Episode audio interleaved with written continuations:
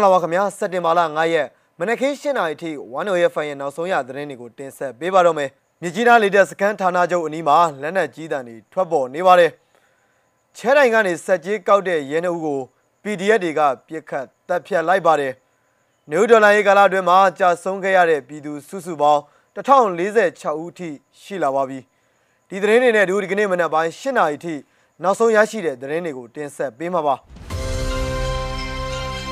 ပထမဆုံးအနေနဲ့တင်ဆက်ပေးခြင်းတဲ့သတင်းတစ်ပုဒ်ကတော့မြကြီးနားမြို့အခြေဆိုင်မြကြီးနားလေတပ်စခန်းဌာနချုပ်အနီးမှာလက်နက်ကြီးတန်တွေပြန်လည်ထွက်ပေါ်ခဲ့တယ်လို့သိရပါတယ်။ကချင်ပြည်နယ်မြကြီးနားမြို့အထက်မော်ဖောင်းရက်ကွက်မှာအခြေစိုက်ထားတဲ့လေတပ်စခန်းအနီးကနေမနေ့ကစက်တင်ဘာလ၄ရက်ည8နာရီကျော်ကစတင်ပြီးလက်နက်ကြီးလက်နက်ငယ်ပစ်ခတ်တန်တွေကြားနေရတဲ့အကြောင်းဒေသခံတွေကပြောကြပါတယ်။လေတပ်စခန်းဌာနချုပ်လုံခြုံရေးအတွက်တပ်ဘေးတစ်လျှောက်မှာလုံခြုံရေးရယူထားတဲ့အမြောက်တပ်ကနေပစ်ခတ်နေတာဖြစ်တယ်လို့ ဒေသခံတွေကဆိုကြပါတယ်ပြစ်ခတ်မှုကိုမြကြီးနားမြို့အတွင်းနေရာချို့ကတော့ကြားသိရပြီး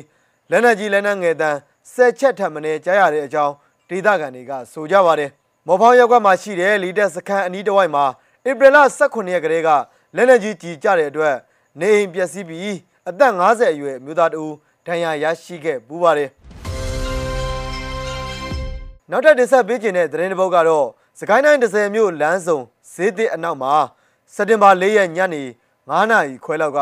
စစ်ကောင်စီတပ်ဖွဲ့ဝင်အုပ်ကိုဒဇယ်ပြည်သူရဲဘော်များအဖွဲ့က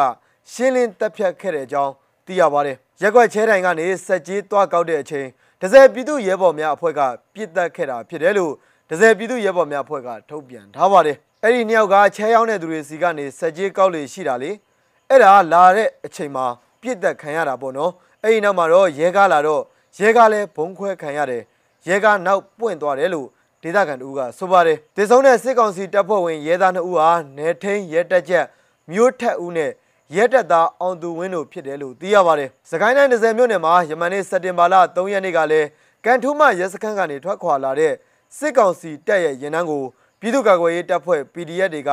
မိုင်းခွဲတိုက်ခိုက်ခဲ့ပါသေးတယ်နောက်ထပ်တင်ဆက်ပေးခြင်းတဲ့သတင်းတစ်ပုဒ်ကတော့နိုင်ငံရေးကျင်းသားများကုညီစောင့်ရှောက်ရေးအသင်း AAPP ကကောက်ခံရရှိတဲ့ မှတ်တမ်းတွေအရစက်တင်ဘာလ၄ရက်နေ့ကကြာဆုံးသွားခဲ့တဲ့စကိုင်းတိုင်းဒေသကြီး30မြို့နယ်ကအပြစ်မဲ့ပြည်သူတို့နဲ့ဩဂတ်စ်လ29ရက်နေ့ကကြာဆုံးသွားခဲ့တဲ့မကွေးတိုင်းဒေသကြီးပေါင်းမြို့နယ်ကအပြစ်မဲ့ပြည်သူတို့ရဲ့အချက်လက်တွေအပါအဝင်နယူးဒေါ်လာရေးကာလအတွင်းမှာကြာဆုံးခဲ့ရတဲ့ပြည်သူစုစုပေါင်းဟာ1046ဦးရှိပြီဖြစ်ပါတယ်။အဲ့ဒီရေအတွက်ဟာ AAPP ကကောက်ယူရရှိထားတဲ့အရေအတွက်သာဖြစ်ပြီးအမှန်တကယ်ကြာဆုံးသွားတဲ့သူတွေဟာအဲ့ဒီအရေအတွက်ထက်ပိုများနေနိုင်ပါတယ်။ နိုင်ငံရေးကျင်းသားများကူညီစောင့်ရှောက်ရေးအသင်း AAPP ရဲ့မှတ်တမ်းပြုချက်တွေအရဖေဖော်ဝါရီလ၁ရက်နေ့ကနေစက်တင်ဘာလ၄ရက်နေ့အထိဖမ်းဆီးချုပ်နှောင်ခံထားရတဲ့သူစုစုပေါင်း6230ဦးရှိပြီးတော့အဲ့ဒီနဲ့မှာ264ဦးကတော့ထောင်ဒဏ်ချမှတ်ခြင်းခံထားရပါတယ်ပြည်ထန်ကြခံရသူတွေတဲကအသက်18နှစ်အောက်ကလေး2ဦးအပါအဝင်26ဦးကတော့သေဒဏ်ချမှတ်ခံထားရတာပါဒါအပြင်ဖမ်းရန်ထုတ်ခံထားရတာကြောင့်တင်းချောင်နေရတဲ့သူ1984ဦးရှိနေခဲ့ပါပြီ အဲ့ဒီထက်ကမြက်ွယ်သေးတံချမှတ်ခံထားရသူ39ဦးအပါအဝင်118ဦးဟာမြက်ွယ်ပြစ်ဒဏ်ချမှတ်ခံထားရပါတယ်။ဒါကြောင့်မို့လို့သေတံချမှတ်ခံထားရသူစုစုပေါင်း65ဦးရှိပြီဖြစ်ပါတယ်။ဒီကနေ့မနက်ပိုင်းရဲ့နောက်ဆုံးသတင်းတစ်ပုဒ်အနေနဲ့စက်တင်ဘာလ၄ရက်နေ့ညနေပိုင်းတုန်းကရင်းမပင်မြို့နယ်ပြည်သူတွေဆီယနာရှင်ပြုတ်ကြရဲ့အတွက်မိတုတ်တွေကင်ပြီးတော့ခြိတက်ဆန္ဒပြခဲ့ကြတယ်လို့သိရပါတယ်။ ဒီရုပ်တံဖိုင်အပြည့်စုံကိုလည်းကျွန်တော်တို့ကြည့်ရှုကြရအောင်ပါ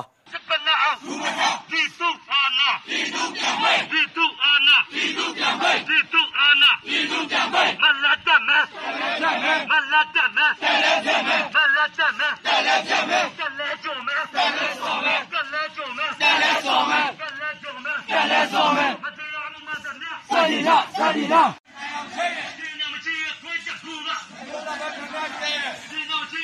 ခွေးချက်ဖူလာအကျိုးစကားများများတဲ့ဒီနမချီခွေးချက်ဖူလာအကျိုးစကားများများတဲ့လူယူကြတဲ့ဒိုးနိုင်ကလူဒီလူကိုပြန်လိုက်လူယူ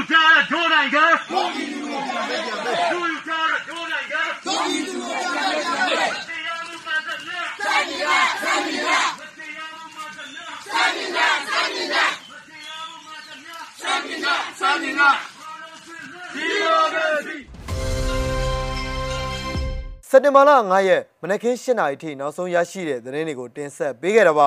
1 FM ကိုစောင့်မျှော်နားဆင်ကြတဲ့ပြည်သက်အပေါင်းကိုစိတ်နှပြကျမ်းမာချမ်းသာကြပါစေလို့ဆုမွန်ကောင်းတောင်းလိုက်ရပါတယ်ထူးခြားတဲ့သတင်းတွေနဲ့တို့ကျွန်တော်တို့မချခင်မှာပြန်လည်ဆုံတွေ့ကြပါမယ်